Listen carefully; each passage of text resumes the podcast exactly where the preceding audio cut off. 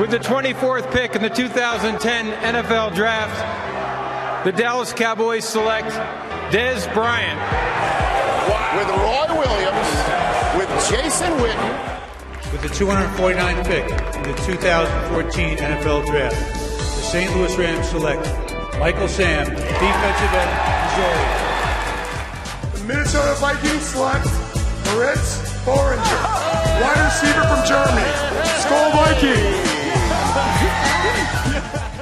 The Arizona Cardinals select Tyron Matthew, defensive back, LSU. And there's Tyron Matthew celebrating the moment, and we all know the journey this young man's been on.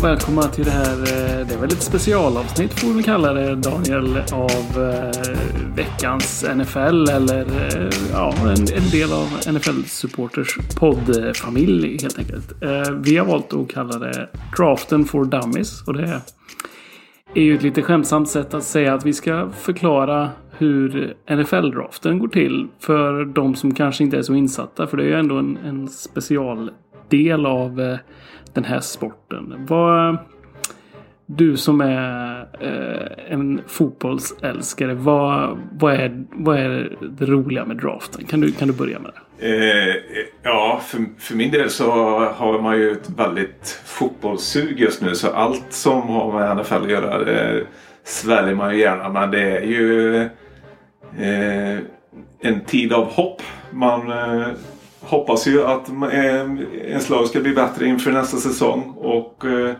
egentligen enda sättet som återstår i det läget vi är just nu är ju att eh, laget gör riktigt bra val i, i den här draften som eh, kommer här nu där de ska välja spelare som kommer utifrån college och vill testa lyckan i, i NFL då. Så att eh, det är ju eh, väldigt spännande tycker jag. Vad, vad är dina känslor inför draften?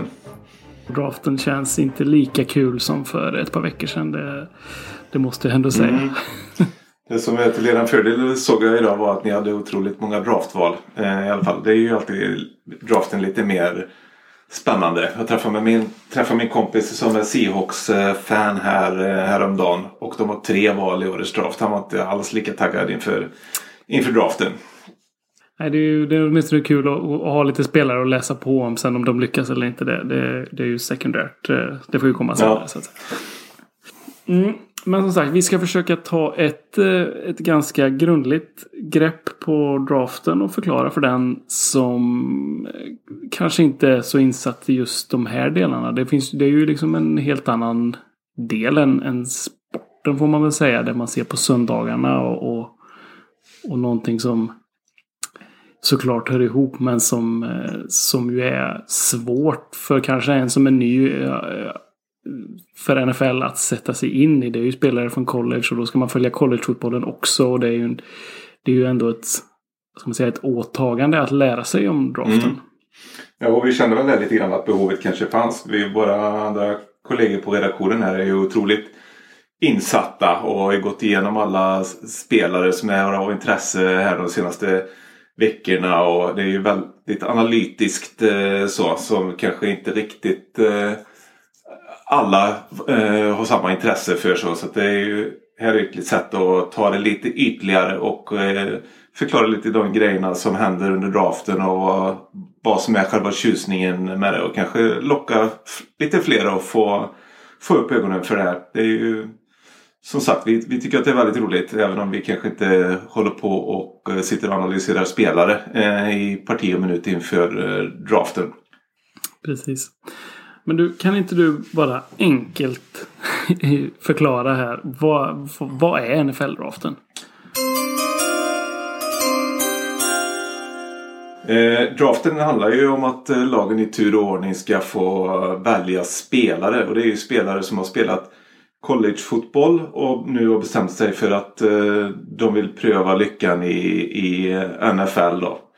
Eh, och eh, den här turordningen bestäms ju eh, av eh, eh, fjolårets eh, slutställning om man säger så. Eh, de, lagens, de, de som var sämst eh, säsongen som har spelats de väljer först.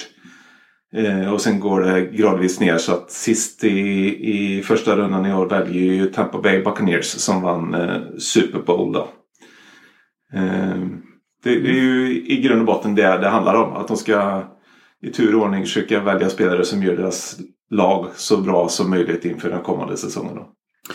Eh, det här kan man ju då ställa i, i kontrast då till vad kan man säga, övriga sportvärlden eller åtminstone det som vi ser i Europa. Där, man, där är ju kontrakt som man skriver med vilken spelare som helst när som helst när de är i rätt ålder så att mm. säga. Medan eh, de amerikanska sporterna eller de stora sporterna bygger ju på det här att man då det man egentligen gör är att man väljer eh, en spelare och får rättigheter att skriva kontrakt med den spelaren. Om, om man ska vara eh, extra tydlig där. Ja. Ehm, så det är ju verkligen ett annat sätt att se på spelarna och, och, deras rättigheter att till exempel välja lag eller så vidare. Utan det, det är ju de får ju helt enkelt skriva på för det laget som de blir draftade till. Ja, precis. Och sen så är det ofta så efter att de har eh, varit eh, i sitt eh, första lag så efter fyra eller fem år så kan de ju få chansen att eh, välja fritt igen då. Men under den första perioden så är det ju helt och hållet eh, det laget som har valt dem i draften som bestämmer deras öde kan man säga på gott och ont. Mm. Um, hur går det till då när de här spelarna ska väljas? Det är ju eh, tre dagar som draften är. Och vad, vad, händer under de här tre dagarna? Ja, det är ju, det är ju först och främst är det ju sju rundor. Eh, så att eh, i princip kan man säga att varje lag har sju val, ett i varje runda. Om man ska förenkla det lite. Eh, och eh, första dagen så är den första rundan. Den andra dagen så är den andra och tredje rundan. Och den sista dagen så är det runda fyra till sju. Så att de har ju lite olika mycket tid på sig att göra de här valen. Då. Det blir ju lite mindre tid sista dagen när de ska hinna med fyra runder på, på en dag. Då. Det är i princip så att de eh, skriver ner sitt val på ett kort och lämnar in det till, eh, till NFL. Och eh, Godell i alla fall under första dagen och en bit in på den andra dagen. Han eh, som är kommissionär för NFL han annonserar eh, valen. Och sen blir det lite mer lössläppt eh, ju senare man kommer till sista rundorna så är det någon schimpans på något zoo som får eh, annonsera valet istället. Då. Och sådär. Mm. Precis, lite spektakel ska det ju vara också. Ja. Um, men som du sa, du förklarade där hur, hur utdelningen av valen går till. Det är ju alltså den, det laget som var sämst fjolåret som får välja först. Och det är ju uh, Jacksonville Jaguars som väljer först i första rundan. Eller först i varje mm. runda då. Men uh, Finns det liksom några andra sätt förutom den här omvända ordningen då för att få ett draftval? Ja, det finns ju lite, finns ju lite andra alternativ. Dels så kan ju lagen under när som helst under säsongen göra trades eh, med varandra. Det kan vara eh, draftval mot draftval. Det kan vara spelare mot draftval och spelare mot spelare och sådär. Men det är ju valutan som de använder i sina, sina, trade, sina trades. Så det kan ju leda till såklart att det blir väldigt olika till slut hur många draftval man har. Precis som vi var inne på här innan så hade Seahawks inte så mycket eh, draftval i år medan Eagles har desto fler. Eh, mm. Och sen så är det ju eh, kompensationsval finns det ju någonting som heter också där, där eh, om man har haft otur eller vad man ska kalla det. Eh, med eh, att man har blivit av med spelare i Free Agency då. Alltså när de väl får börja välja vilka lag de ska gå till. Om de överger, om många spelare överger ett ett specifikt lag så kan det laget eh, få draftval i kompensation då ifrån tredje rundan och, och eh, neråt. Så då kan de få lite extra. Eh, där kan man ju nämna att det kan man ju nämna att det är ett väldigt intrikat system för hur de här valen delas ut. Och det är ju svårt för eh, utomstående att, att eh, veta och förstå. Även om man kan ha en, en viss gissning så, så är det ju mer när man får listan från NFL så ser man vilka lag som har tilldelats eh, de här val, extra valen. Då, så att säga, om man, Ja, precis. man kan kalla Det är bara spekulationer innan man verkligen får veta. Men det viktigaste är väl att veta att de finns i alla fall och att det är lite extra val från runda tre och neråt där. Du pratar om trades, alltså byten av draftval. Hur, eh, kan du förklara lite hur de här bytena görs och hur det fungerar när de, när de byter spelare och eh, draftsval?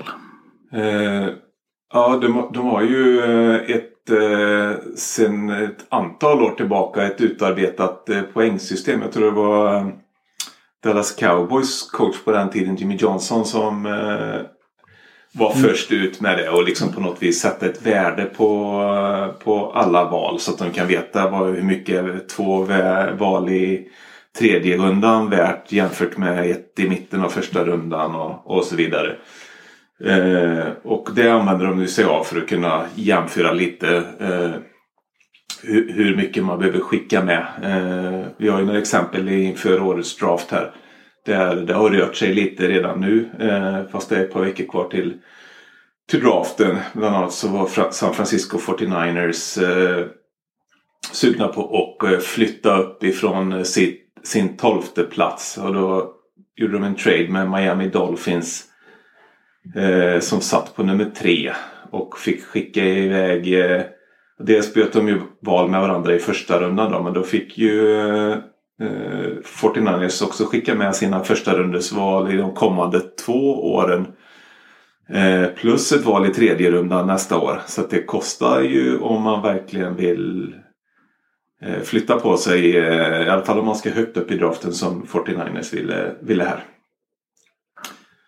Mm. Sen var det ju även en lite, lite rörlighet där med eh, igen för Dolphins del som tradade med dina Eagles och, och det. Så det har varit lite sån rö, rörelse här inom draften. Mm. Eh, Och där kan man också nämna att de här draftvalen som kommer eh, senare år så att säga. De har har ju också ett betydligt mindre värde än ett val som görs i årets draft. Ja, precis. Utan det sjunker ju väldigt då i det här poängsystemet. Eh, väldigt mycket. Men som sagt, draften brukar ju vara ett väldigt spektakel och det finns ju en anledning till att det är så många av oss som är intresserade som sitter uppe och tittar på draften. För det, det går ju på nätterna det här. eh, Det är ju amerikansk kvällstid. Är det väl? Ehm, och på senare år så har ju draften varit ett jätteevenemang som har dragit runt lite från stad till stad. Det, det, traditionellt sett så hölls det ju alltid på eh, vad heter det? Music City Radio Hall heter det va? Ja, det var det kanske. I New York. I New York. Eh, I New York kan man säga i alla fall. Eh, och ehm, eh, nästan, eh, jag vet inte när de började, men i alla fall de senaste eh, årtiondena så har det ju gått där. Men sen så var det 2015 var det va? Vill Ja, det kanske var så länge sedan. Som, ja, ja, jag kan ha fel. Eh, Men som det började röra på sig och flytta runt då till olika städer. Bland annat har det ju varit i eh, Philadelphia, i Chicago, i Dallas. Men förra året så eh, blev det ju lite annorlunda. Minst sagt. Kan du förklara lite vad som, hur, det, hur det gick till förra året? Ja, det, då var det ju, det var ju vid den här tiden förra året och då vet ju alla vilken eh, panik det var. Man visste inte vad som skulle hända med eh, någonting med en pandemi som precis hade brutit ut. Så att eh, NFL ställde ju in, eh, nu kommer jag inte ihåg vart de skulle haft det. skulle varit i Cleveland redan förra året. Nej, det skulle varit i Las Vegas skulle det ju varit ja. De hade ju jättestora Las planer Vegas, med, eh, med hur det skulle eh, bete sig där. Men eh, de valde ju i all panik att flytta ner i Roger Goodells källare istället. Så det stod, stod, stod, han ju i sin mancave såg det ut som. Och hade knappt hunnit städa undan eh, flyttlådorna där nere eh, innan tv-kamerorna rullade in och de körde det där istället. Och det hade ju, det hade ju sin charm med lite eh, både fans och eh, spelare med på skärmar där på olika sätt. Jag tyckte de gjorde en väldigt bra tv-produktion av det eh, ändå. Och det, mm.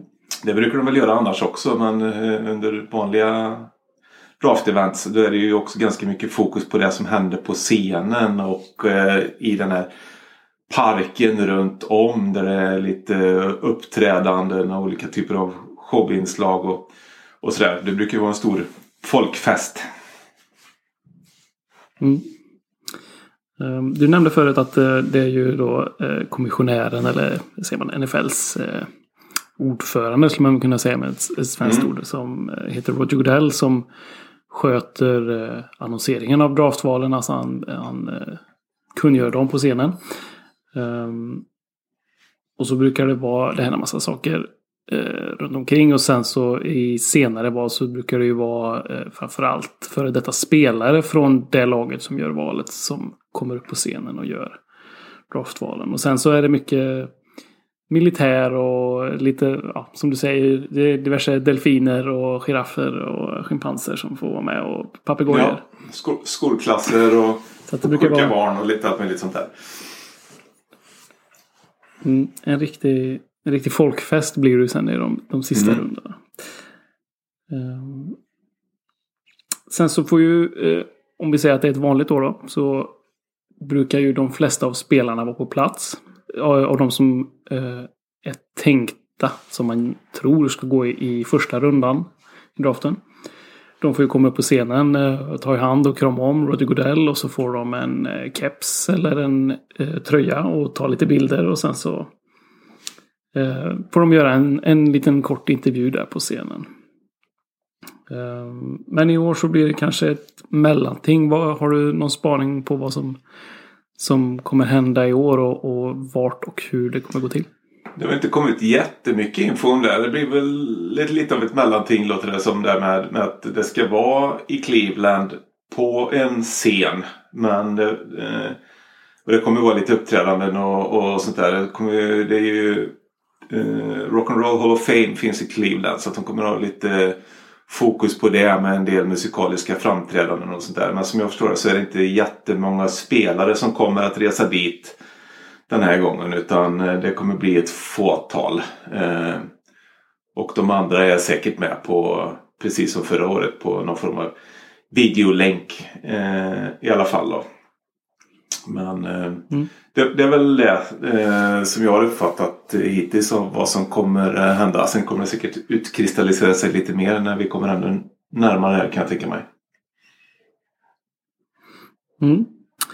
Um, tider uh, och hur man får möjlighet att se på det här. Uh, det har du bra koll på va? Eh. Det tycker jag är svårt det här med tiderna och hur det går fram och tillbaka. Bara nu, så tillbaka. Ja, får jättegärna vara väldigt det tydliga. Det är särskilt svårt just eh, mellan dag två och dag tre. För här i Sverige så blir det egentligen samma dag. De tre dagarna i USA blir ju bara två dagar här. Eh, kan man säga. För mm. Eh, vi har ju lite tur ändå den här gången. Eh, I och med att vi har valborgsmässoafton. Så att vi är ju lediga fredag den 30 april de flesta av oss. Och det är ju på natten där som draften börjar mellan torsdag och fredag. Eh, klockan två på natten. Eh, och man brukar räkna med att eh, första rundan håller på kanske tre och en halv timme ungefär. det är ju naturligtvis så att om lagen skulle vara väldigt snabba med att lämna in sina val så kommer det vara klart tidigare då eh, såklart. Men något, något sånt kan man räkna med. Sen eh, får man sova lite eh, extra länge där på fredag morgonen och så börja ladda för dag två som börjar klockan ett på natten mellan fredag och lördag. Eh, där är det ju två runder då så den slutar också ungefär vid eh, halv sex eh, tiden på den. De har lite mindre tid på sig på val. Eh, men som sagt två runder så att det, det, tar någon timme extra jämfört med dag, eh, dag ett då. Men sen är det ju i princip bara att sova och eh, gå upp igen och göra sig en rejäl eh, brunch. Och eh, sen börjar eh, dag tre klockan 18 på eh, på lördagen då. Och den slutar sen vid ett tiden på natten ungefär. Så att på ganska precis två dygn så har man hunnit med sju rundor av draften då. Eh, och det får man ju lägga upp lite som man vill eh, där då. Eh, det, det, kommer vi säkert till här hur vi ska man ska förbereda sig för det på bästa sätt. Det är ju lite svårt att eh, och få ihop livet med, eh, med så här mycket draft under två dygn. Eh, så man får eh, välja lite vart man ska lägga sitt fokus. Mm. Um, sändningarna sänds ju av NFL Network uh, via Play och ESPN om mm. man har det. Um, och jag vet ju tidigare år så uh, har man ju kunnat se det här gratis. De, jag vet inte om NFL sänder på sin hemsida. Uh, åtminstone delar av uh, draften, första rundan och sådär. Det verkar uh, som man ska kunna se det gratis genom NFLs uh, telefonapp. Mm. Så man ska kunna se hela draften. Så att det finns sätt för den som inte har tillgång till NFL Network eller via Play eller ESPN att se på det förhoppningsvis. De har ju även tidigare år haft samarbeten med till exempel Twitter och andra sådana här tjänster. Så att, eh, det finns nog något sätt att se på det. Men, men, om man vill vara säker så är det NFL Network, Viaplay eller ESPN man ska vända sig till för att se draften. Mm. Mm. Men du pratade lite om det här. Hur, hur, hur ska man lägga upp festen här hemma? Då? Hur, hur, hur brukar du göra? För att hålla dig vaken och alert och eh, pigg och glad. Ja, det, det, är ju det som är den svåra biten. Särskilt när man eh, eh, har andra att ta hänsyn till än sig själv. Att man måste försöka få ihop ett eh, familjeliv med det här på något sätt. och så också. Jag har ju också haft en sån himla otur. Mm. Eh, i en herrans massa år att jag har tränat dotters fotbollslag och det har alltid varit en eh, fotbollskupp den här helgen. Så att det har varit ännu svårare då att få mm ihop där. I år ska det förhoppningsvis bli, bli eh, lite lättare. Eh, man får försöka gå och lägga sig tidigt på torsdagskvällen tycker jag. För första rundan är ju väldigt eh, spännande. Det är ju, eh, läggs ju väldigt stor vikt vid de här spelarna som går särskilt under första halvan av första rundan. För där har man ju väldigt många supertalanger. Eh, får man säga. Det ser man också på den här mm. värdetabellen med draftval. Det är otroligt, eh, otroligt mycket mer värt med ett val i början av första än i slutet av första eh, rundan. Så, så att, eh, det som händer i första rundan vill man inte missa. Eh, och eh, då får man kanske tänka till lite med eh, mat och dryck där. Jag vet ju att Eh, våran eh, redaktionskompis Magnus han brukar ju alltid eh, ha någon flaska vin redo till sådana här nattkörningar. Och det är inte min melodi i alla fall. Jag tror nog hellre... Låter väldigt Ja, eh, otroligt eh, vågat tycker jag. Han, eh, han verkar ha hittat sin grej där ändå. Men eh, mm. jag kör hellre kaffe. Mm. Jag känner också att det är, man får ju vara ganska lätt på, på menyn så att säga. Så man inte liksom slår på alldeles för stort och går ut för hårt. För då somnar du i mitten av, mitten av första rundan där och missar halva, halva den dagen. Det, det är lätt hänt. Speciellt om man, eh, om man råkar sitta själv då. Som eh, ju ett år som detta eh, kanske tyvärr eh, för många eh, är ett faktum. Mm. Um, annars är det ju uh, alltid kul att dra ihop ett gäng. Vi har ju sett draften tillsammans uh, ett par gånger. Uh, så att kan man göra det så är ju det fantastiskt. Men annars så är ju ett tips att försöka köra det digitalt. Att man har en, en liten, ett videosamtal med någon eller några kompisar som också är intresserade så man har någon att, att, diskutera och prata och reagera tillsammans med under kvällen. Jag tycker att framförallt i, i de senare rundorna så är det ju eh, roligare att ha någon att prata med än att sitta själv och, och tröska igenom alla de här draftvalen. Mm. Ja, det är också väldigt roligt att sitta och gissa under eh, tiden som draften utspelar sig. Vad, vilka, tror, eh, vilka tror ni att den här spel, eller det här laget kommer eh, välja nu av de spelarna som finns kvar och sådär. Det är ju, finns ju alltid sånt att, att snacka om. Eh, mm. Och vi kan ju tipsa om våran Slack också. Vi, för våra Patreons så har vi ju Slack öppet. Där är det ju redan en massa snack om eh, draften och under själva draften så kommer det vara fullt eh, pådrag där. Då är det ju i, i textform. Som, som vi skriver till mm. Eh, en grej som kan vara bra att påpeka där just när, särskilt när det gäller första rundan så är ju om man är väldigt fokuserad på just ett lag och man allt, allt handlar om att få se vad det laget kommer drafta. Om det laget draftar i slutet av första rundan så får man nog vara inställd på att det finns finns alltid viss risk där att de kommer kanske att eh, trada ur. Att eh, de kanske tradar ner och ur första rundan och, och inte väljer alls under den första natten där. Så det får man ju vara lite inställd på också när man lägger upp sin planering där. Det har man varit med om att man sitter och väntar på det 32 valet med, med Eagles och så tradar de mm. ur. Det, då är man ju inte jätteglad kan man ju minst Nej, det är lite motigt att ha bälgat kaffe i tre timmar och få gå och lägga sig bara utan att någonting har hänt. Det, de har säkert gjort en bra grej när de gör det men eh, man sitter där och bara är supertaggad mm. på att få eh, läsa på om en ny spelare som har kommit in till laget. Precis. Um, som sagt, är ni sugna och känner att ni inte har eh, någon att snacka med. Eh, bli Patreon hos oss och eh, häng med i slacken för det kommer att vara fullt ös under hela drafthelgen. Det kan jag nästan lova. Mm. Och som sagt, det, det, vi snackar ju väldigt mycket redan nu och det körs ju framförallt en del så kallade mock drafts. Vad, vad är en mock draft för någonting?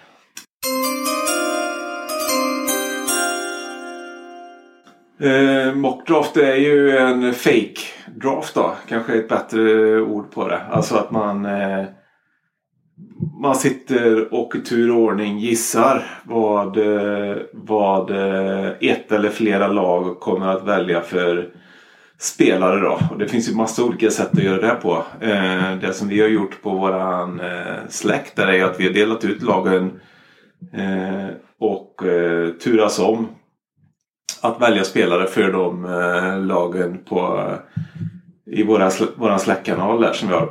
Och, eh, med lite motiveringar och så. Jag tycker att det här laget behöver förstärka sig på den positionen och därför tar de den här spelaren som jag tror passar eh, extra bra för dem av den här anledningen. Eh, det blir mycket den typen av diskussioner där. Sen finns det ju också mycket online-verktyg. Eh, söker man på mockdraft online eller så, så eh, hittar man säkert fram till verktyg. Eh, finns ju bland annat hos eh, PFF, eh, Pro Football Focus och eh, The Draft Network. Eh, eh, där man kan välja ett eller flera lag och eh, eh, hur många runder man vill köra och sen så eh, simulerar appen alla andra lags val tills det är ens egen tur och då får man välja av de spelarna som finns kvar. Det är ett ganska kul sätt att sitta och leka med lite olika scenarion med vad händer om jag tar en spelare på en viss position i första rundan. Vad finns det kvar på de andra rundorna för mig senare i så fall och, och, och så vidare. Jag sitter och leker ganska friskt med det för tillfället. Mm. Eh, och det här är ju någonting som eh, många av eh, säger man, de experterna eh, sitter och gör sådana här mockdrafts och eh, även vissa av eh, vissa sajter som eh, är, är fansdrivna där man låter fansen eh, eh, göra de här valen och få ihop en draft för att sen diskutera, gjorde de rätt eller gjorde de fel som gjorde det här valet så att säga. Så det, det är en källa till väldigt mycket och eh, rolig diskussion framförallt.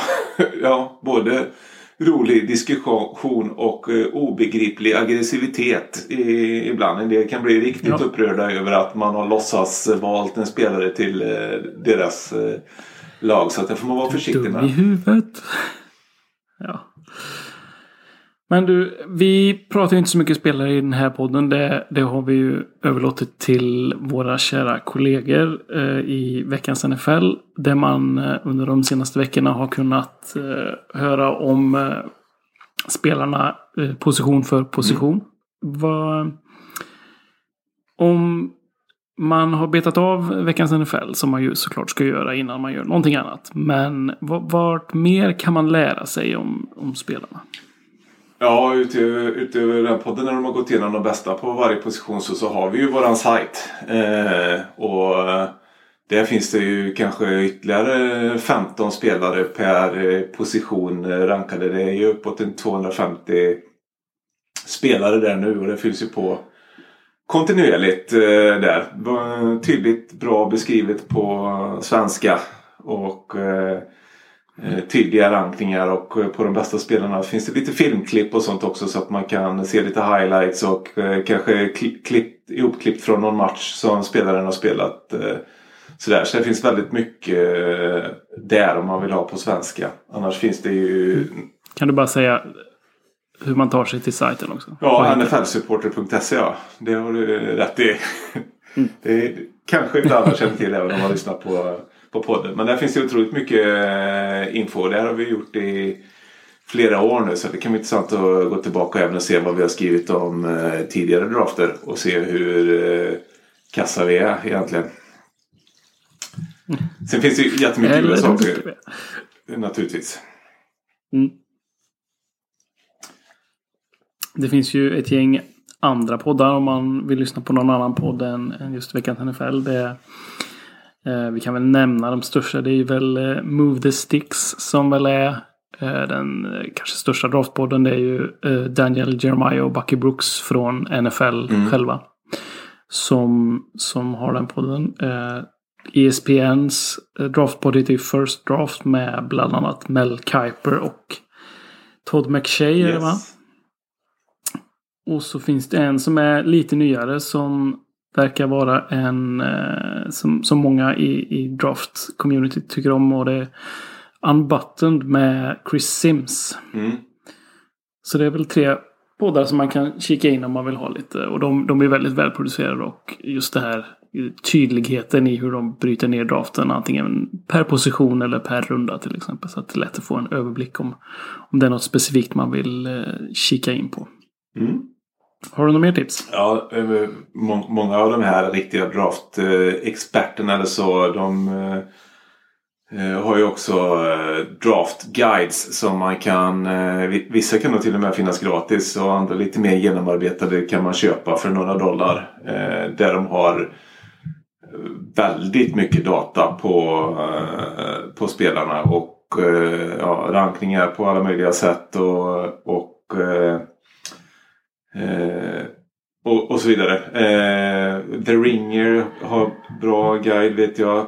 Eh, PFF, Proof of Focus, har också en bra guide som kanske är lite eh, annorlunda. Deras grej är ju eh, eh mycket kring analytics och sådär så att de kan ju stå ut lite ifrån eh, från många andra. Eh, så på, på gott och ont. Det är inte alla som gillar P PFF kanske men eh, de eh, gör ett bra jobb och spelar en, eh, en viktig roll så där kan man få en liten annan vinkel. Och sen finns det ju en hel del av de här som vi nämnde precis i poddarna. De, de finns ju även på, på Twitter så att man kan eh, följa dem där. Det kommer ju ut otroligt mycket eh, innehåll just nu. Mm. Eh, där får man väl höja ett litet varningens finger också om man följer Twitter under draftkvällen. Det är ju lätt att få Ehm, eh, valen eh, spoilade där precis innan de händer. Att det, dels med tidsskillnad och, och dels att eh, ens sändning kanske ligger sådär en halv minut efter. Och då, då kommer ju all information ut där. Så man ska akta sig lite för Twitter på, på draftkvällen säger jag. Men jag kan bara nämna de här eh, namnen igen som vi sa. Daniel Jeremiah, Chris Sims, Mel Kiper, Matt Miller, Todd McShay är några av namnen som man kan söka upp och följa för att få det bästa kring, kring draften. Mm. Eh, och det kan väl just det som du var inne på där med spoilers och så vidare. Det kan man väl också ta i beaktande nu eh, veckorna, de två veckorna fram till draften här att det är ju väldigt mycket smokescreens här nu ifrån lagen som har fått ta det mesta med en eh, nypa salt nu när det gäller information om vad lagen har för fokus och vad de kommer att göra när det är deras tur att välja. Och, eh, det här laget är sugna på att trada upp och det här laget är sugna på att trada ner. Det mesta sån info som kommer nu är ju eh, i regel för att eh, sprida någon slags desinformation. Liksom. Det är väldigt sällan lagen säger exakt vad de kommer att göra. Eh, så att, eh, finns ofta en annan baktanke med de där nyheterna. Mm. Så är det absolut. Mm. Du, om man ska försöka ta ett litet grepp på eh, de olika rundorna och hur de eh, om man brukar, hur det brukar gå till på, på en draft och, och vad som händer var. Man vet ju att eh, quarterbacks är ju oerhört populära och blir ju ofta valda väldigt tidigt och de, alltså man kallar det att de trycks upp i draften för att de, de hamnar ofta på den övre halvan och, och det blir ett väldigt quarterback-fokus i runda ett. Men finns det något annat som man kan säga liksom om, om vad som händer i draften i de senare rundorna? Och, och um, hur tänker lagen med de olika rundorna? Uh, ja, och det är ju väldigt olika naturligtvis. Men det man kan säga är att ofta Eh, de här spelarna som går tidigt i draften är ju riktiga alltså spelare som man tänker är väldigt klara och kanske kommer in och gör en väldigt stor skillnad direkt för det laget som de kommer till. Eh, de, de kan fylla ett behov som, eh, som laget känner att de har för att kanske vara med och konkurrera om en slutspelsplats eller om en Super Bowl till och med. Så, och eh, det är därför en del lag som, som 49ers som vi nämner nu till exempel kanske ger upp ganska mycket kapital för att eh, komma upp högt upp i, i första rundan och hitta den här spelaren som de tror kommer ta dem den allra sista biten som krävs då. Eh, men i senare runder så brukar de ju ofta eh, hitta roll, rollspelare, spelare som eh, fyller en eh, viktig roll kanske på special teams eller eh, Eh, att de kanske inte spelar alla downs. Det kanske finns en, eh, en, eh, en cornerback där som man tänker ska komma in och spela eh, som en extra corner på ett eh, fåtal eh, downs och så liksom. Eller så eh, eh, kan det vara andra typer av rollspelare. Spelare som kanske har en del utveckling som behövs innan de är riktigt klara för att spela i NFL. Så där blir det lite mer rollspelare och projekt mot slutet av draften egentligen. Då. Och det brukar ofta... Mm. Eh, det, det säger ganska mycket om vart lagen tycker att de befinner sig, just hur de beter sig. Eh, om de tradar upp eh, för att ta någon tidigt i, i draften så, så tror de verkligen att de har någonting på gång och att de ska kunna konkurrera den här säsongen. Och, motsatsen så kanske de snarare eh, bygger om lite och tänker lite mer på, på framtiden istället. Mm.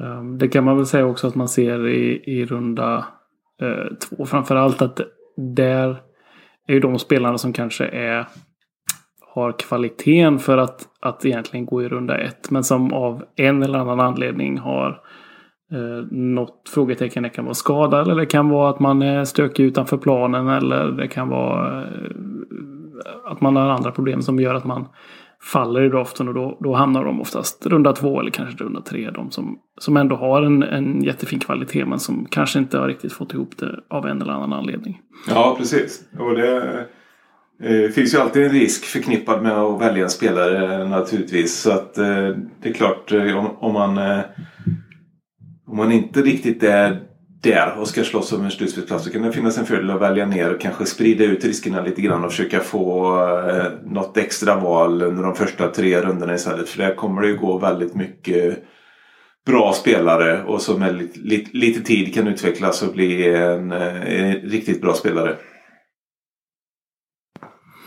Mm.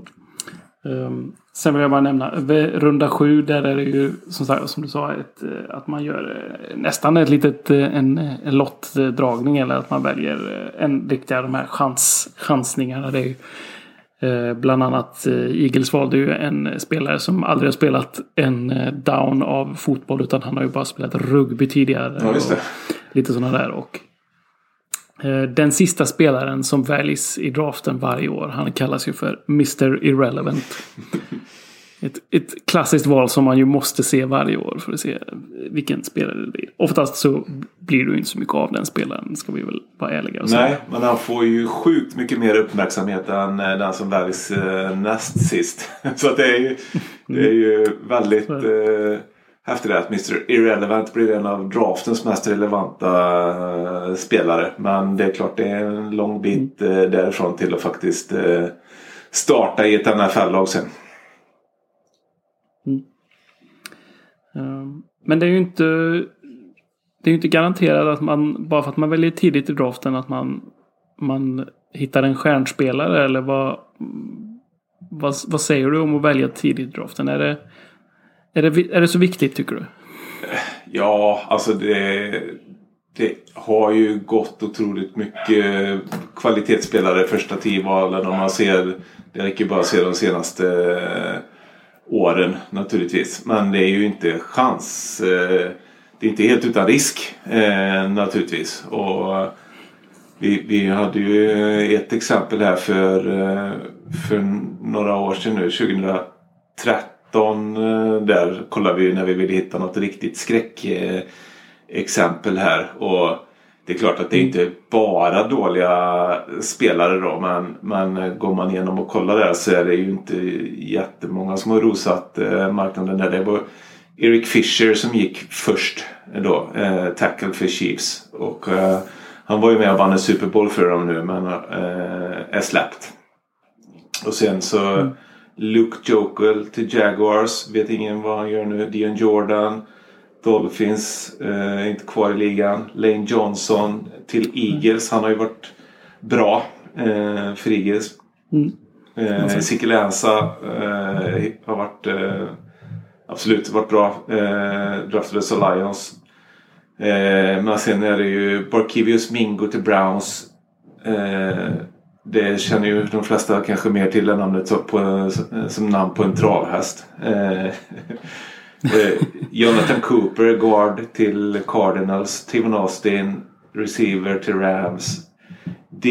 Milner, eh, en cornerback till Jets. Och Chance Warmack, en guard till Titans. Det är inte jättemånga där som är kvar nu åtta år eh, Nej. senare. Är det ju Lane Johnson och Ezekiel Lanza som man får säga är spelare som har, som har lyckats. Resten är väl...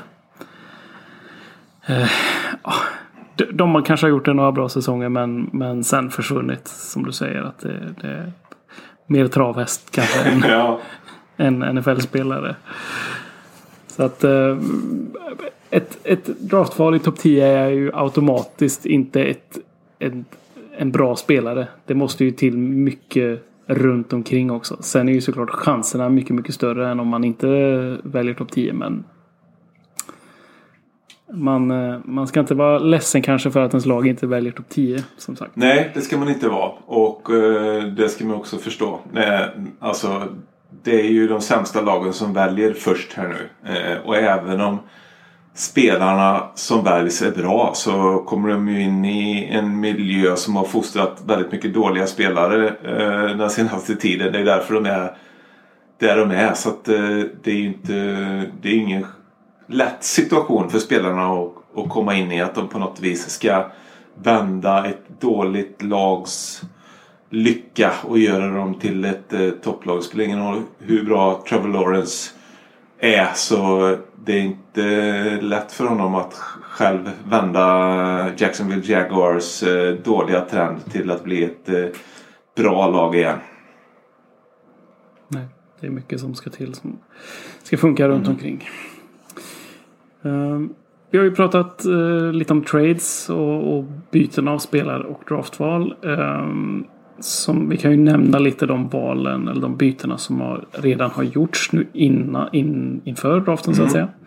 Uh, Fort Niners och Dolphins har vi ju nämnt att de har bytt val och sen så skickade ju Dolphins vidare eh, sitt uh, från nummer 12 till Eagles som var på plats nummer 6 och bytte plats där. Uh, Eagles fick ett val i årets draft i tredje rundan när man tradade bort Carson Wentz till Indianapolis Colts. Och uh, Detroit har ju ett extra val i tredje rundan när uh, Matthew Stafford och Jared Goff bytte plats där. Mm. båda de två senare de, de fick ju extra picks även för nästa år. Ja, precis. Ja, det, är, det är de valen som Men- hade betydelse här i årets draft eh, egentligen. Att de har lite extra ammunition på lite trades som har gjort här. Eh, Det är väl de, de lite mer högprofilerade bytena som gjorts. Kan vi nämna. Det har ju gjorts även val, eh, med, med senare val Ja. så att säga. Eh, Men det här med att man, man får ju byta val även under draftkvällen eller draftnatten så att säga. Medans eh, valen pågår. Hur, hur vanligt är det och, och hur, hur går sådana saker till? Det är ju ändå ganska vanligt eh, tycker jag. Och det är ju eh, väldigt rolig krydda till eh, draftanrättningen här. Med, med att det helt plötsligt. Man förväntar sig att nu är det Raiders som är på klockan här. Och så, nej men vänta, vad står det nu? Nu står det att det är Falcons som är på klockan. Vad har hänt här? liksom, och så, vad, vänta nu, vad finns det för spelare kvar här på, på brädan? Vad kan de vara intresserade av? Varför tradar de upp? Vad har de sett? Det blir väldigt mycket sådana aktiviteter. Eh, och det sker ju egentligen i, i alla rundor. Och det kan hända precis som när som helst under året att eh, det är draftval mot draftval. Eller ett lag kanske har eh, sett ett jättestort värde på en position som har lett till att eh, de har alldeles för många spelare helt plötsligt på den positionen. Så de kanske kan trada bort en, en ändå duktig spelare som är lite, eh, blir lite överbliven så att säga. Så kan de ju trada bort mot draftval redan samma kväll. Och få lite nya draftval och så vidare. Så att... Eh, ursäkta. Det kan ju vara eh, vä- väldigt mycket den typen av aktiviteter. Det tycker jag är väldigt kul. Eh, Det ska vi nämna så att under draftkvällen så är det väl eh, i regel så att det blir eh, draftval mot ett draftval som byts och inte så mycket att en, en spelare skickas under just draftkvällen. Det, det kan ju hända eh, i efterhand och senare eller eh, framförallt kanske inför draften som, som spelarbyten sker. Ja, men det, det har det hänt. Eh, det är så att man får vara beredd på det mesta. Absolut. Du, jag tycker så här. Vi ska prata lite med våra eh, kollegor här på NFL Supporter, draftexperterna. Så vi kan väl ta och börja med att ringa upp eh, Mattias. Mm.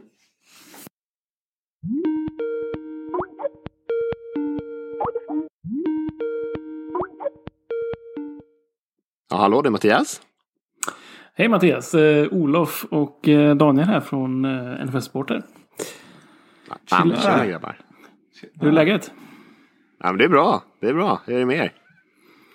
Du, det är bra. Vi sitter här och pratar lite om draften och tänkte att vi, vi vill ju prata med någon som kan någonting om draften. Daniel och jag själva är ju inte eh, de riktiga draftexperterna kanske, så att vi tänkte att vi ringer upp dig. Nej, men vad trevligt. Du, ehm, draften är ju speciell för oss alla, tycker vi som följer NFL tror jag. Vad, eh, har du något sånt här speciellt favoritminne från draften som du kan berätta om? Hmm, ja, det har jag säkert. Alltså det som jag tänker framförallt på väl kanske, det kanske inte hände under riktigt själva draften. Men jag, en spelare som jag eh, gillade jäkligt mycket innan han draftades var ju Chris Jones som nu spelar i Kansas City Chiefs. Eh, och han hade ju en ganska rolig, får man säga, incident när han skulle springa sin 40 yards sprint på, på scouting combine. Eh, och man kan väl säga att eh, han var tvungen att avbryta mitt i och han liksom gjorde ett sånt här magplask nästan och gled liksom längs, längs, längs golvet. Och, eh, och så hörde man på ljudupptagningen då, förklarade han lite grann utan att ta det liksom, eh, citera honom där, så kan man väl säga att hans eh, Hans underrede, hans juveler flög ut ur tightsen mitt under den här sprinten då. En ganska stor kille får man säga på, på alla möjliga sätt. Så eh, det blev ju en ganska rolig situation eh, får man säga. Men han fick springa om som tur var tror jag. Ja, det minns man. Ja. En, en dråplig situation på alla sätt. ja, det får man säga. Det är ganska fascinerande att det, är, att det är den killen som är en av de allra bästa på, på sin position i, idag också. Han fick ju en eh, häftig introduktion in i, NFL-världen. Exakt, han kanske lärde sig en och annan viktig läxa där, jag vet inte. Mm. Som du säger, det, Combine är ju inte en del av själva draften men det är ju en ack viktig del i, i hela det här eh, förfarandet. Så att, eh, jag, jag tar det som ett, ett fint draftminne ändå. Det är Ja, godkänt. men vad bra. Tack, godkänt. Det är ändå bra, en bra start att få godkänt. Ja, Ja. precis. Eh, Men kanske den, den riktiga frågan och anledningen till att vi ringer upp dig. Det, vi skulle vilja höra lite om liksom, de stora namnen på, på quarterback-positionen i år. Hur, hur skiljer de sig sinsemellan och hur står sig den här quarterback-klassen kanske jämfört med, med tidigare år tycker du? Ja, alltså om man börjar där kanske med det sista så, så tycker jag nog att den står sig riktigt, riktigt bra. Eh, och kanske av de drafterna som jag har följt noga kanske 8-9 år eller något sånt där så är, det nog, så är det nog den bästa gruppen vi har sett. Just för att det kanske är så många spelare också. Vi har ju toppnamnet där i Trevor Lawrence som, som är eh, sån här superstjärna, nästan knappt ifrågasatt. Men sen att vi har en bredd med kanske fem spelare som förväntas gå eh, väldigt högt och, och kanske förtjänar det till och med att gå väldigt högt. Eh, det är ju ovanligt. Det är ju, kanske brukar vara ett par stycken och sen så är det alltid kanske två, två, tre stycken på sin höjd skulle jag säga. Och sen är det ett par andra som liksom puttas upp bara för att de är quarterbacks och då blir de liksom mer värdefulla. Men, men eh, att vi har fem stycken så här bra spelare på den positionen, det är extremt ovanligt. Mm. Eh, Kan du dra igenom de här fem lite snabbt? Ja, Trevor Lawrence är det ju från Clemson som är toppvalet där som är egentligen eh, ja, bra på allting. Liksom. En spelare som både kan springa bollen och passa bollen och, och ha det här mentala spelet och han har spelat på hög nivå länge och varit liksom en, en stjärna ända sedan high school egentligen. Så det är väl den eh, superstjärnan i gruppen. Och sen har vi ju Justin Fields från Ohio State som är eh, också en eh, som har följt Lawrence kan man säga under lång tid och de har liksom varit de här två stora stjärnorna. Och han kanske inte är riktigt lika hypad nu inför draften som, som Lawrence är men för fortfarande en spelare som är superatletisk och är också en, en stor och imponerande passarm och egentligen bra på alla de fysiska delarna av spelet. Sen finns det de som tycker att han har en del att utveckla i liksom spelförståelsedelen men ändå jag tycker inte att han är dålig där på något sätt utan är fortfarande en väldigt hög nivå. I många andra drafter hade han säkert kunnat gå nummer ett. Och så har vi ju Zach Wilson från BYU som exploderade den här säsongen och kom lite från ingenstans som en doldis. Eh, och eh, har ju fått väldigt mycket beröm för det här med att han kanske är ganska väldigt bra på att improvisera, har den här lite baseball-liknande kaströrelsen och många brukar prata om att det kanske är en Patrick Mahomes light som vi ser här eh, i, i Zach Wilson och, och en väldigt, väldigt naturlig passare på många sätt. Så det är ju också ett jättespännande namn och han förväntas väl kanske gå nummer två där redan. Så eh, han kom lite från ingenstans. Och sen så har vi ju eh, Trey Lance från eh, North Dakota State där eh, Carson Wentz också kom ifrån tror jag.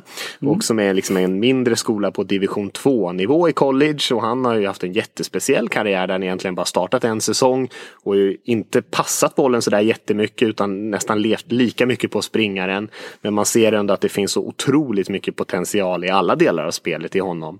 Så bara där kanske, kanske mer av en gambling och, och satsa på en spelare som Trey Lance. Men där, jag tror att många lag blir väldigt taggade på honom när de ser vad han skulle kunna bli. Och sen på andra sidan av spektrat så har vi Mac Jones som har eh, startat för Alabama här senaste året. Alabama som är liksom ett, ett en super superkraft i collegefotbollen får man säga och har varit det länge.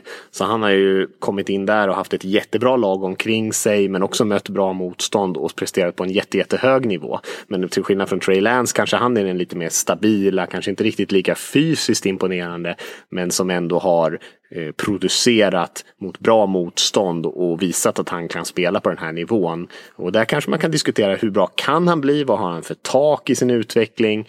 Eh, men att man kanske har en spelare som är ganska stadig redan nu och det kan ju vara värt mycket bara det.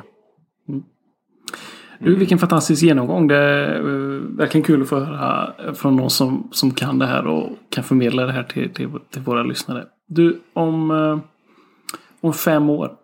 Vem av de här fem spelarna är den bästa? Hmm, om fem år. Hmm.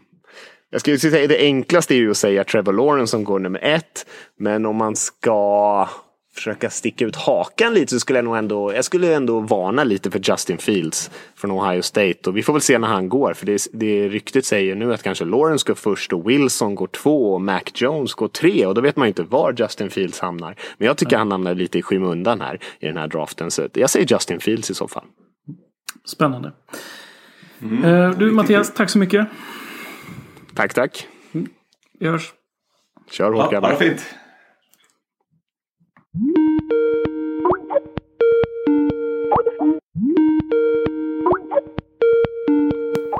det är Magnus. Hej Magnus, det här är Olof och jag sitter här med Daniel och pratar lite om draften. Tjena, hur är läget grabbar? Jo, det är bra. Eh, vi tänkte vi skulle eh, prata lite med dig eh, och höra lite om vad, hur du ser på, på draften. Vad, kan du inte börja? Liksom, draften det är något speciellt, det tycker vi ju alla. Har du något sådär favoritminne från draften som du kan berätta om? Eh, ja, men jag har egentligen två. Mitt absoluta favoritminne det är, eh, jag tror jag har pratat om det förut också, det är draften 2018 när vi i redaktionen var till Falköping och gäst, våldsgästade Daniel på både jobb och, och hem höll jag på att säga. Nej, men det var ju en, dels var det en jäkligt kul tillställning, det var roligt att få liksom umgås med folk som delar samma intresse under, under ett par dagar. Eh, men sen var det också den draften där Ravens tradade upp med, visst var det med Eagles va? Ja, ja. det var det i slutet. Precis, där. sista valet i runda, runda ett. När ögonlocken var så jäkla tung och man började bli riktigt, riktigt trött. Och bara tänkte så här, gud vad skönt att få gå och lägga sig. Men det var ju att Lamar Jackson hade ju inte blivit vald. Och man tänkte att det kommer ju komma någon. Och så var det Ravens av alla lag som tradade upp. Och eh, det var väl du och jag som, vi promenerade ju hem där eh, på natten. Mm. Och jag hade väldigt svårt att somna sen. Mm. Det var ju tidig morgonkvist innan man, innan man eh, ögonen slöt sig. Och, nej, men det, hela den, liksom den känslan, den, den kan jag fortfarande liksom, känna riktigt i den här vårluften och liksom, mm. uppspeltheten. Så det var riktigt häftigt. Det är alltid spännande när ens lag väljer den där franchise quarterbacken och, och liksom, man känner att det, det, är något nytt på gång här mm. i hela laget. Liksom. Sen så tyckte inte jag det var så jättekul när man suttit och väntat hela natten och så tradar Eagles ur första rundan, det sista de gör. Men jag kan, jag kan ge den till dig. Ja, det var snällt. Eh, mm. Det var, både, både jag och franchisen vädrade ju vårluft där på morgonen så det var riktigt härligt. Mm. Det andra minnet var faktiskt från förra året när det var, vi skulle, tanken var väl att vi skulle ses i live igen men sen var det ju en pandemi på det hela och mm. då satt faktiskt jag och Rickard och eh, körde ett Skype-möte under hela draften. Det var jättetrevligt. Mm. Jag hittade en bra balans mellan att liksom få fokusera på draften och liksom socialisera. Så det var, nej, men det var kul. Mm. kommer jag nog också glöm, aldrig glömma. Det händer ju så mycket på, på en draftnatt så att eh, det är inte så jättekul att bara sitta, sitta själv och, och titta på, på tvn hela natten. Även om det händer mycket saker så det, det är kul att ha någon att reflektera lite med. Verkligen. Eh, en annan fråga. Du, det är ju många quarterbacks som det pratar om, pratas om att det kommer gå tidigt i den här draften. Hur, hur ser du på det här med att välja en quarterback tidigt och svårigheten i det? Vi har ju sett många tidigare år där det har gått många quarterbacks men det är ju inte en självskriven eh, fullträff bara för att man väljer en quarterback tidigt. Hur, hur ser du på det valet att göra det? Nej, det är väl snarare tvärtom. Att det är väl eh, fler som misslyckas än lyckas. Så det är ju det är så många saker som påverkar det. Och jag, jag, tror att en sak kan ju vara det här att eh, quarterbackens värde puffas ju liksom upp. Eh, de väljs i vissa fall en, två runder högre än vad de kanske borde rent talangmässigt. Och det snackas ju om någon QB varje år. Det är inte ofta det inte går någon quarterback topp 3, 4, 5 liksom. Utan det är, det är alltid någon som blir liksom upppuffad på grund av att den enda som finns eller liknande. Eh, och det är ju en faktor. Att Mm. de väljs för tidigt helt enkelt. Och då blir det svårt att, eh, alltså förväntningen eh, överstiger kapaciteten kanske. Och då blir det orättvisa förhållanden på något sätt. Eh, men sen så tror jag också att dels eh, det handlar ju om att eh, QB över tid så har man ju eh, Eh, haft en skillnad mellan nivåer på college och NFL. Vilket gör att de måste vara anpassningsbara och det är ju en, en förmåga som kan vara rätt svår att eh, mäta. Att, hur pass anpassningsbar är den här? Eh, sen kan det ju vara lite också utifrån att man har som coach är du beredd att, vi pratade ju om Lamar Jackson, liksom att där, när man tog in honom så Ravens slängde ju det mesta andra åt sidan och tänkte att okej vi ska forma ett anfall kring den här quarterbacken. Men så är ju inte alltid fallet. Så att det gäller ju att vara väldigt noga med att vara, hur ska vi använda den här spelaren, vilka kompetenser har, eller vilka traits har den och vad, hur tror vi att den lyckas på bäst sätt. Får man till det så tror jag att det är större faktor att man lyckas, men det kan också ta tid. Eh, av de som det pratas om i toppen i år, är det någon som du ser har eh, blivit lite extra upppushad tror du som, som egentligen kanske borde gå senare? Eh, jag, jag tänker väl att... Eh, ja, alltså jag, jag skulle väl säga att det är två. Trey Lance och Mac Jones tror jag kanske är att man snackar upp dem lite. Det, det tycker, jag tycker att det är väldigt bra spelare båda två. Och absolut värda att gå i, i en... Egentligen en övre del av första rundan. Men, men båda har ju sina... Liksom, vad ska man kalla det? Eh, frågetecken. Att Lance, han är rätt oerfaren. Har inte spelat spelade en match under 2020. Och sen Mac Jones inslängd i ett, inte heller speciellt erfaren egentligen. Han startat en säsong i Alabama men också i ett väldigt, väldigt fint system som passade honom väldigt bra. Eh, Och med det sagt så är båda två kan ju lyckas eh, otroligt bra i NFL. Om de hamnar just i en situation där man använder deras styrkor och inte försöker liksom trycka in en fyrkantig pusselbit i ett runt hål. Mm. Mm. Men jag tycker framförallt att det är quarterbacken längst, längre bak. Eh, Kyle Trask, eh, Davis Mills. Att de pushas upp. För att de flesta tror ju att eh, de här topp fem quarterbacksen är borta. Garanterat i de första tio valen. Mm. Vad bra, vilken bra sammanfattning. Du, eh, tack så mycket för att vi fick ringa upp och prata med dig en liten stund. Mm, tack själv. Ha det gott grabbar. Ha det gott. Hej. Hej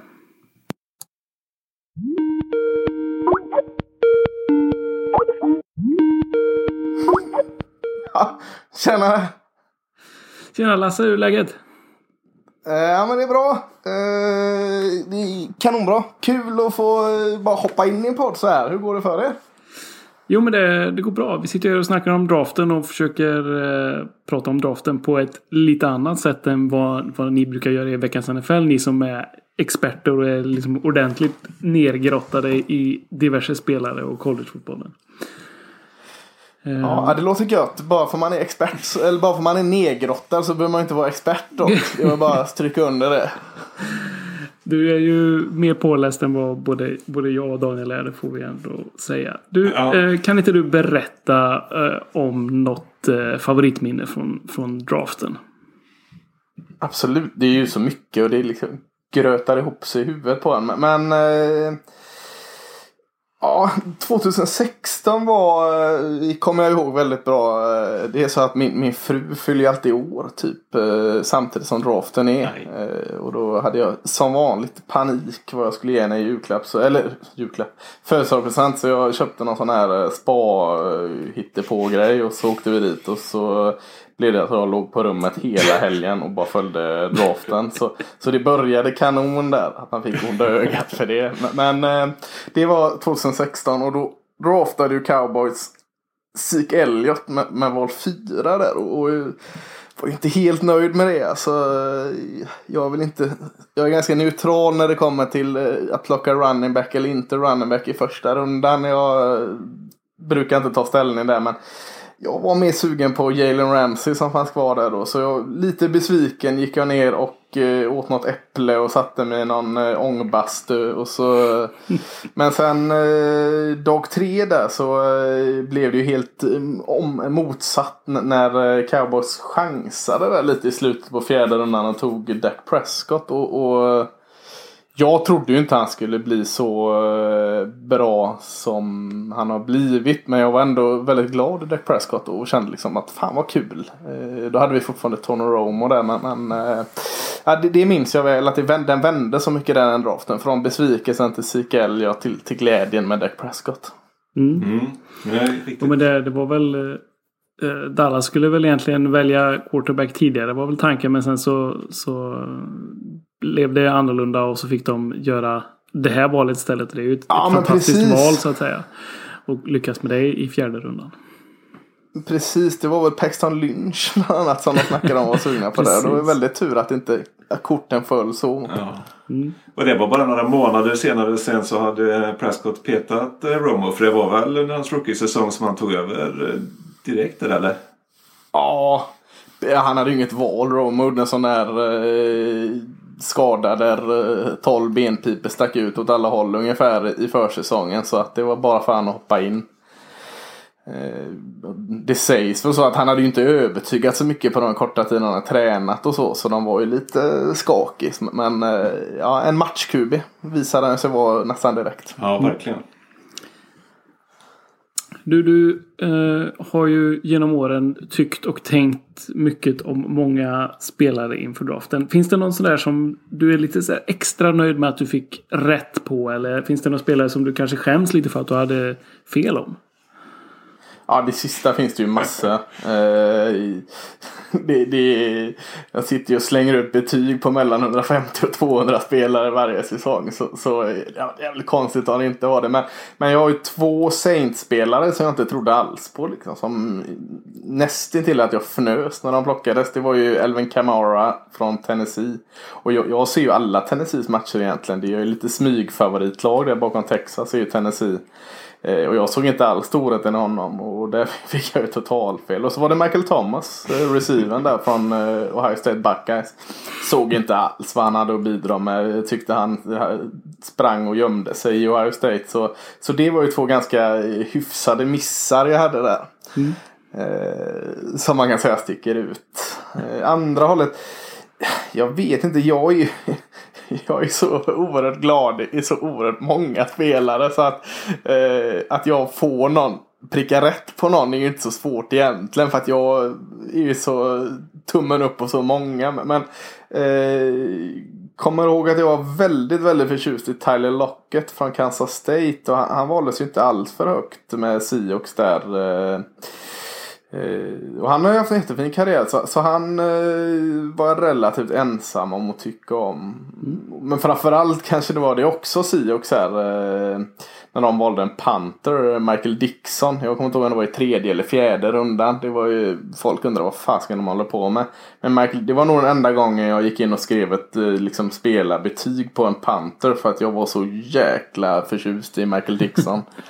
eh, Texas Pantern där. Han, var eh, MVP för Texas den säsongen. Alltså inte bara special teams MVP utan hela lagets MVP. Så, så han, eh, det, det skrev jag nog upp som bästa draften någonsin från Seahawks när de tog Michael Dixon. Ja, han har varit grym ju. Det får man ju säga. Ja, faktiskt.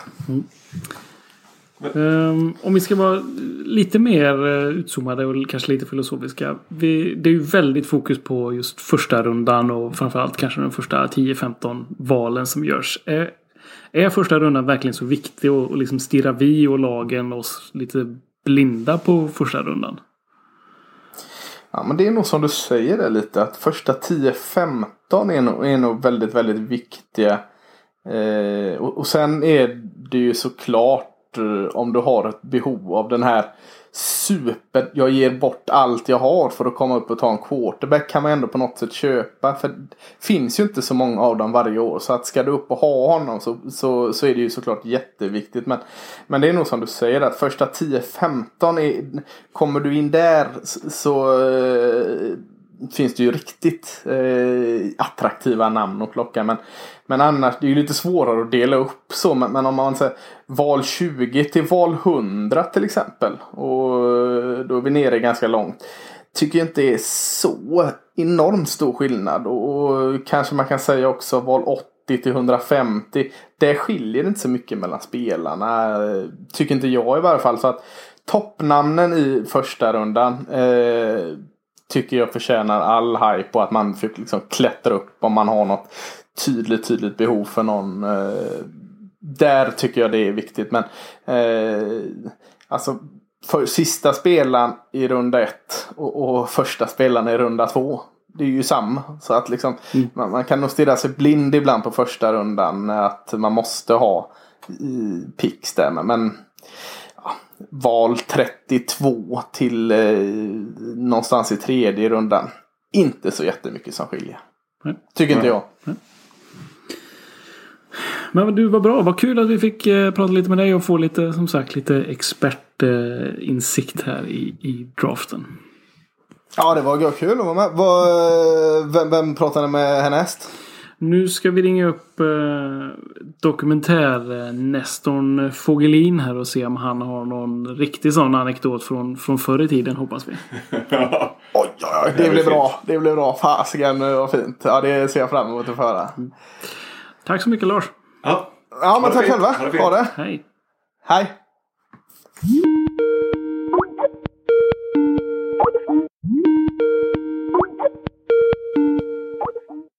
Ja, det var Per. Tjena Per, det var Daniel här från eh, NFL-supporter. Jag och Olof här sitter och snackar lite, lite draft. Eh, mm, och eh, hej, ville, ville snacka med dig eh, lite. Eh, hur, hur är läget? Ja, det är bra tack. Själv då? Jo, det är fint. Det är fint. Vi har suttit här en bra stund och eh, snackat lite om eh, lite enkla termer tycker vi om vad draften är och eh, vad det innebär för, för oss. Och så har vi fått med oss några av våra experter här som har snackat lite om eh, spelare och, och så vidare. Men du är ju mm, lite mm, våran, lite våran eh, dokumentär nästa år. Du nördar gärna ner dig lite i eh, historiken och, och, och sådär ju. Eh, och kanske kommer lite mer från det hållet. Så det kan bli lite extra kul att ställa samma fråga till dig som jag har ställt till, till de andra tidigare här. Vilket som är ditt bästa draftminne om du får tänka tillbaka lite. Alltså mitt problem med draften om man säger så det är ju att jag att jag, jag, jag snöar ju in på saker som har hänt för länge sedan och allt sånt där. Så att jag har lite svårt på sätt och vis för draften. Liksom. Jag, jag, jag, älskar ju upplägget med det här med att man fördelar talangen till de som behöver det mest och så vidare. Men jag har ju egentligen inte den insikten i alla dessa spelare som kommer in på college, från college och så vidare. Att på något vis göra någon bedömning. Eh, som kanske mina, många av våra kollegor på NFL Support är. Utan jag följer väl med egentligen eh, och eh, jag är väl mer intresserad på den nivån egentligen att jag följer ser och noterar till exempel vilka positioner, eh, vilka positioner väljer ett lag och så vidare. Inte nödvändigtvis vilken spelare i sig utan eh, att liksom man funderar på varför valde de en corner i första rundan och en running back i andra. Mm. Och, och ser liksom hur de, liksom, vilka behov ett lag prioriterar ett visst givet år och så vidare. Jag kan tycka att det finns, vad ska vi säga, det finns jag har lite svårt för den här eh, otroliga entusiasmen som media och fans ibland bygger upp kring. Det finns mycket det här att man väljer en spelare och att han ska rädda hela vår stad. Och det, jag har lite svårt att köpa in det på emellanåt. För det blir, det blir, man, lägger, man, man investerar väldigt mycket emotionellt i en del spelare. Framförallt när det kommer till quarterbacks och sånt som här under draften. Ja. Ja, så är det ju verkligen. Eh, det är ju Eh, särskilt som vi har pratat om tidigare i podden här. De här quarterbacksen som kommer gå tidigt i den här draften nu antagligen. De kommer ju komma till dåliga lag med förhoppningen att de ska rädda eh, deras framtid. Så. Eh, och det är, ju, det är ju inte några roliga krav att ställa på en 21-22-årig kille som kommer utifrån Visha någonstans. Nej, de får ju inte alltid de bästa förutsättningarna liksom. Nej, du får ju inte det. Eh, men har du, något, har du något särskilt minne på eh, när, när det gäller den biten så? Eller så som du tänker på spelare som har fått alldeles för stora krav på sig eller, eller så som du eh, kan tänka tillbaka på? Alltså, om man ska säga jag, jag, gillar ju liksom när man går tillbaka, alltså när jag har gjort de här poddavsnitten så springer man ju på en hel del drafthistorier. Vi har väl gjort några som, vi gjorde ju till exempel Gilla Manning-historien som eh, vi sände det var väl runt förra draften tror jag. Mm. Och det finns ju många historier om det här exemplen egentligen då när en spelare inte riktigt vill gå till en viss klubb och ja, spela svårflörtad är väl ett understatement men de eh, beter sig som jävla barnungar oftast då va. Ja. Och eh, sådana där har man ju sett många genom åren och det finns ju ganska mycket sånt man kan, om man vill förkovra sig så här inför draften så finns det ju en del att plocka upp. Det finns ju till exempel en, en eh, fantastisk dokumentär eh, i den här 30 for 30-serien som E ESPN gjorde med. Som heter From Elway, From Elway to Marino. Mm. Som handlar om draften, eh, vad fasen är det, det är 80, kan det vara 3, 4? Det här borde Jag du tror- ha koll 80 på va? Det är Jim 83, Kelly men- med där också. Ja, precis. Jag är rätt säker på att det var 83. Mm, så det är ju Jim Kelly, Dan Marine, John Elway och lite andra gubbar som är med där. Mm. Och, och det var väl, kan, kan jag inte den historien helt hundra, men eh, Elway var väl den som var bångstyrig och, och ett tag eh, hotade med att spela baseball har för mig. Det brukar vara det klassiska man hotar med. Ja, precis. Och eh, Jim, Jim Kelly han eh, gick ju till en helt annan liga sen istället när han hade draftats av, eh, av Buffalo där. Så det var många speciella eh, typer där i den draften får man säga. Mm, det är ju lite det som är kruxet kan man tycka nu. För, alltså när vi tittar på en draft som liksom, när vi sitter och tittar på någonting som händer här och nu så har vi ju inte svaren på någonting. Det har vi kanske inte alltid med historia, liksom med, när det har gått några år heller. Men vi får ju alltid några som yppar vad det var som egentligen hände den där dagen, den där kvällen och runt när trades gjorde eller när någon var bångstyrig och inte vill gå hit och dit och så att säga. Så att det är ju kul att blicka bakåt och försöka få ett svar på vad det var egentligen som hände då. Det tycker jag är liksom fascinerande att dyka ner i lite. Ja, verkligen. Och just när det gäller hist- historik och sånt så är det ju verkligen så att det är ju historiken som avgör till slut om man gjorde rätt eh, val till slut. Det är lätt att sitta och vara övertygad om ett, om ett lag har gjort rätt och fel eh, där på draftnatten. Men det är ju inte förrän eh, kanske ett par, tre år senare som man vet om det faktiskt bar frukt till slut. Ja, och dessutom är det väldigt lätt som GM att sitta så här 15 år senare och lä- lägga ut texten så att den passar en själv. Så man framstår som fantastiskt genial när man valde den där spelaren. Trots att någon annan valdes tidigare och faktiskt kanske man borde tagit och du vet sådär va. Mm. Men det, man kan ju frisera sanningen en hel del liksom när man sitter där 20 år senare och ska berätta historien igen. Ja. Ja, det är spännande. Hur, eh, har du någon möjlighet att följa draften eh, i år? Du fick höra att du sitter i bland massa flyttlådor eh, nu. Hur, hur ser det ut? Kommer du kika någonting? Ja, det kommer jag säkert. Jag kikar gör jag säkert så sett. Men jag är som vanligt ytterst novis. Jag sitter och lyssnar på mina kollegor egentligen. När de gör sina draftprogram nu i de olika poddarna vi gör här på NFL Supporters. Så att man försöker få in lite atmosfär den vägen. Och ladda upp inför det. Ja. Ja, det låter eh, som en utmärkt idé. Och eh, du är ju med oss på eh, Slack och, och eh, chimar in ibland om eh, ditt och datt också där. Så att förhoppningsvis blir det Mm. lite möjlighet att snacka draft eh, där också för oss alla under drafthelgen där. Mm. Ja men kanon. Vi, eh, vi ska släppa dig här nu och eh, gå vidare. Men det var skönt. Då fick vi lite av den här historiska touchen med lite gamla stories i alla fall. Så eh, Ska vi ta och avsluta kanske med en liten godbit från förr bara så här och runda av mig för kvällen? ja, det är kanske? ju underbart. Gärna. Jag skulle ju kunna vara taskig och dra upp sådana här saker. Nu vet jag att O- eh, Olof sitter väl någonstans på ett hörn och, lyft, och lyssnar så här, men stänga har ju gått till historien. nu måste jag harka mig, ursäkta. Ja. Vi Gärna skrapa här nu. Nej, vi ska, jag vet inte. Men de har ju ändå, det finns ju många roliga historier vad gäller draften på saker som gått lite fel. Eh, exempelvis med att drafta, drafta döda spelare är ju till exempel negativt ofta för utvecklingen av laget. Och det har ju skett eh, många gånger. Och eh, om man tittar blickar bakåt så i, ja, vad ska vi säga, när ligan var ung så var det naturligtvis inte så lätt med information och så att säga. Men så sent som in på 90-talet, så 95-96, så lyckades man ju drafta två döda killar. Och det, och det är ju lite olyckligt så att säga. Och, Ja, eh, Det är dåligt scoutat. Får man ju säga. Ja men så kan man väl ändå säga. Det, det, det borde man ändå kunna snappa upp. Ja, faktiskt. Vad gjorde han på 40 yards liksom? Ja, det såg segt ut. Eh, Olofs gäng däremot, de, de lyckades ju med att drafta en kille och glömde berätta det för honom. Det är också en klassiker egentligen. Så att, eh, han, sköta? Ja, men man tycker det. Men han, den här killen upptäckte det 1999 då, vad var det, 56 år senare.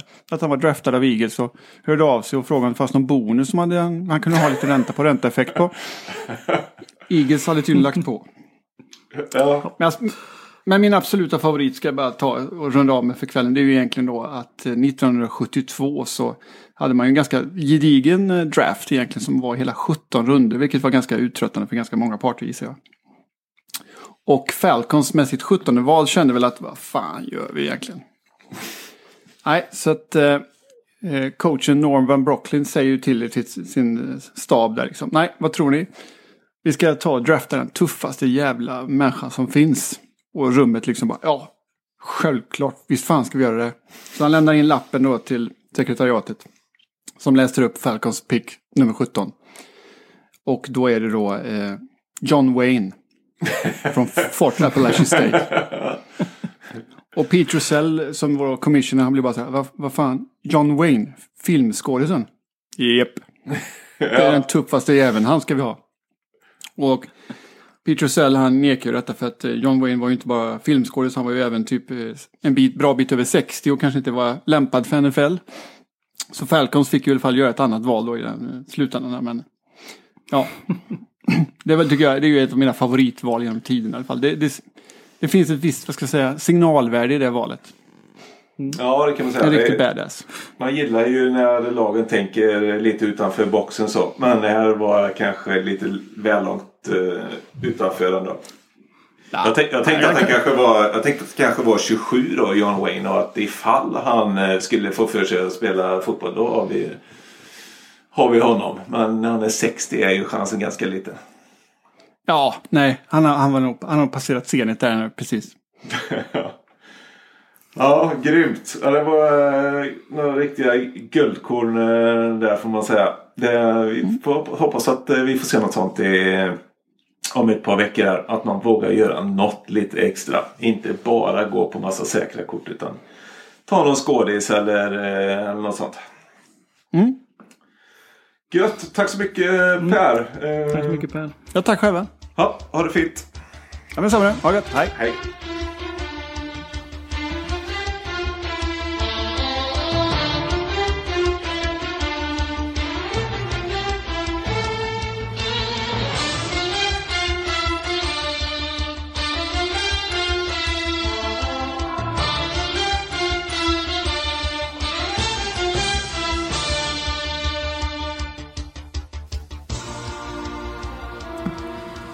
Sådär, nu har vi pratat med både experter och eh, sådana som eh, vi har fått höra lite, lite hur våra kollegor tänker och tycker om draften. Det var ju fantastiskt att få höra deras eh, tankar om den här speciella helgen som, som vi sker varje år.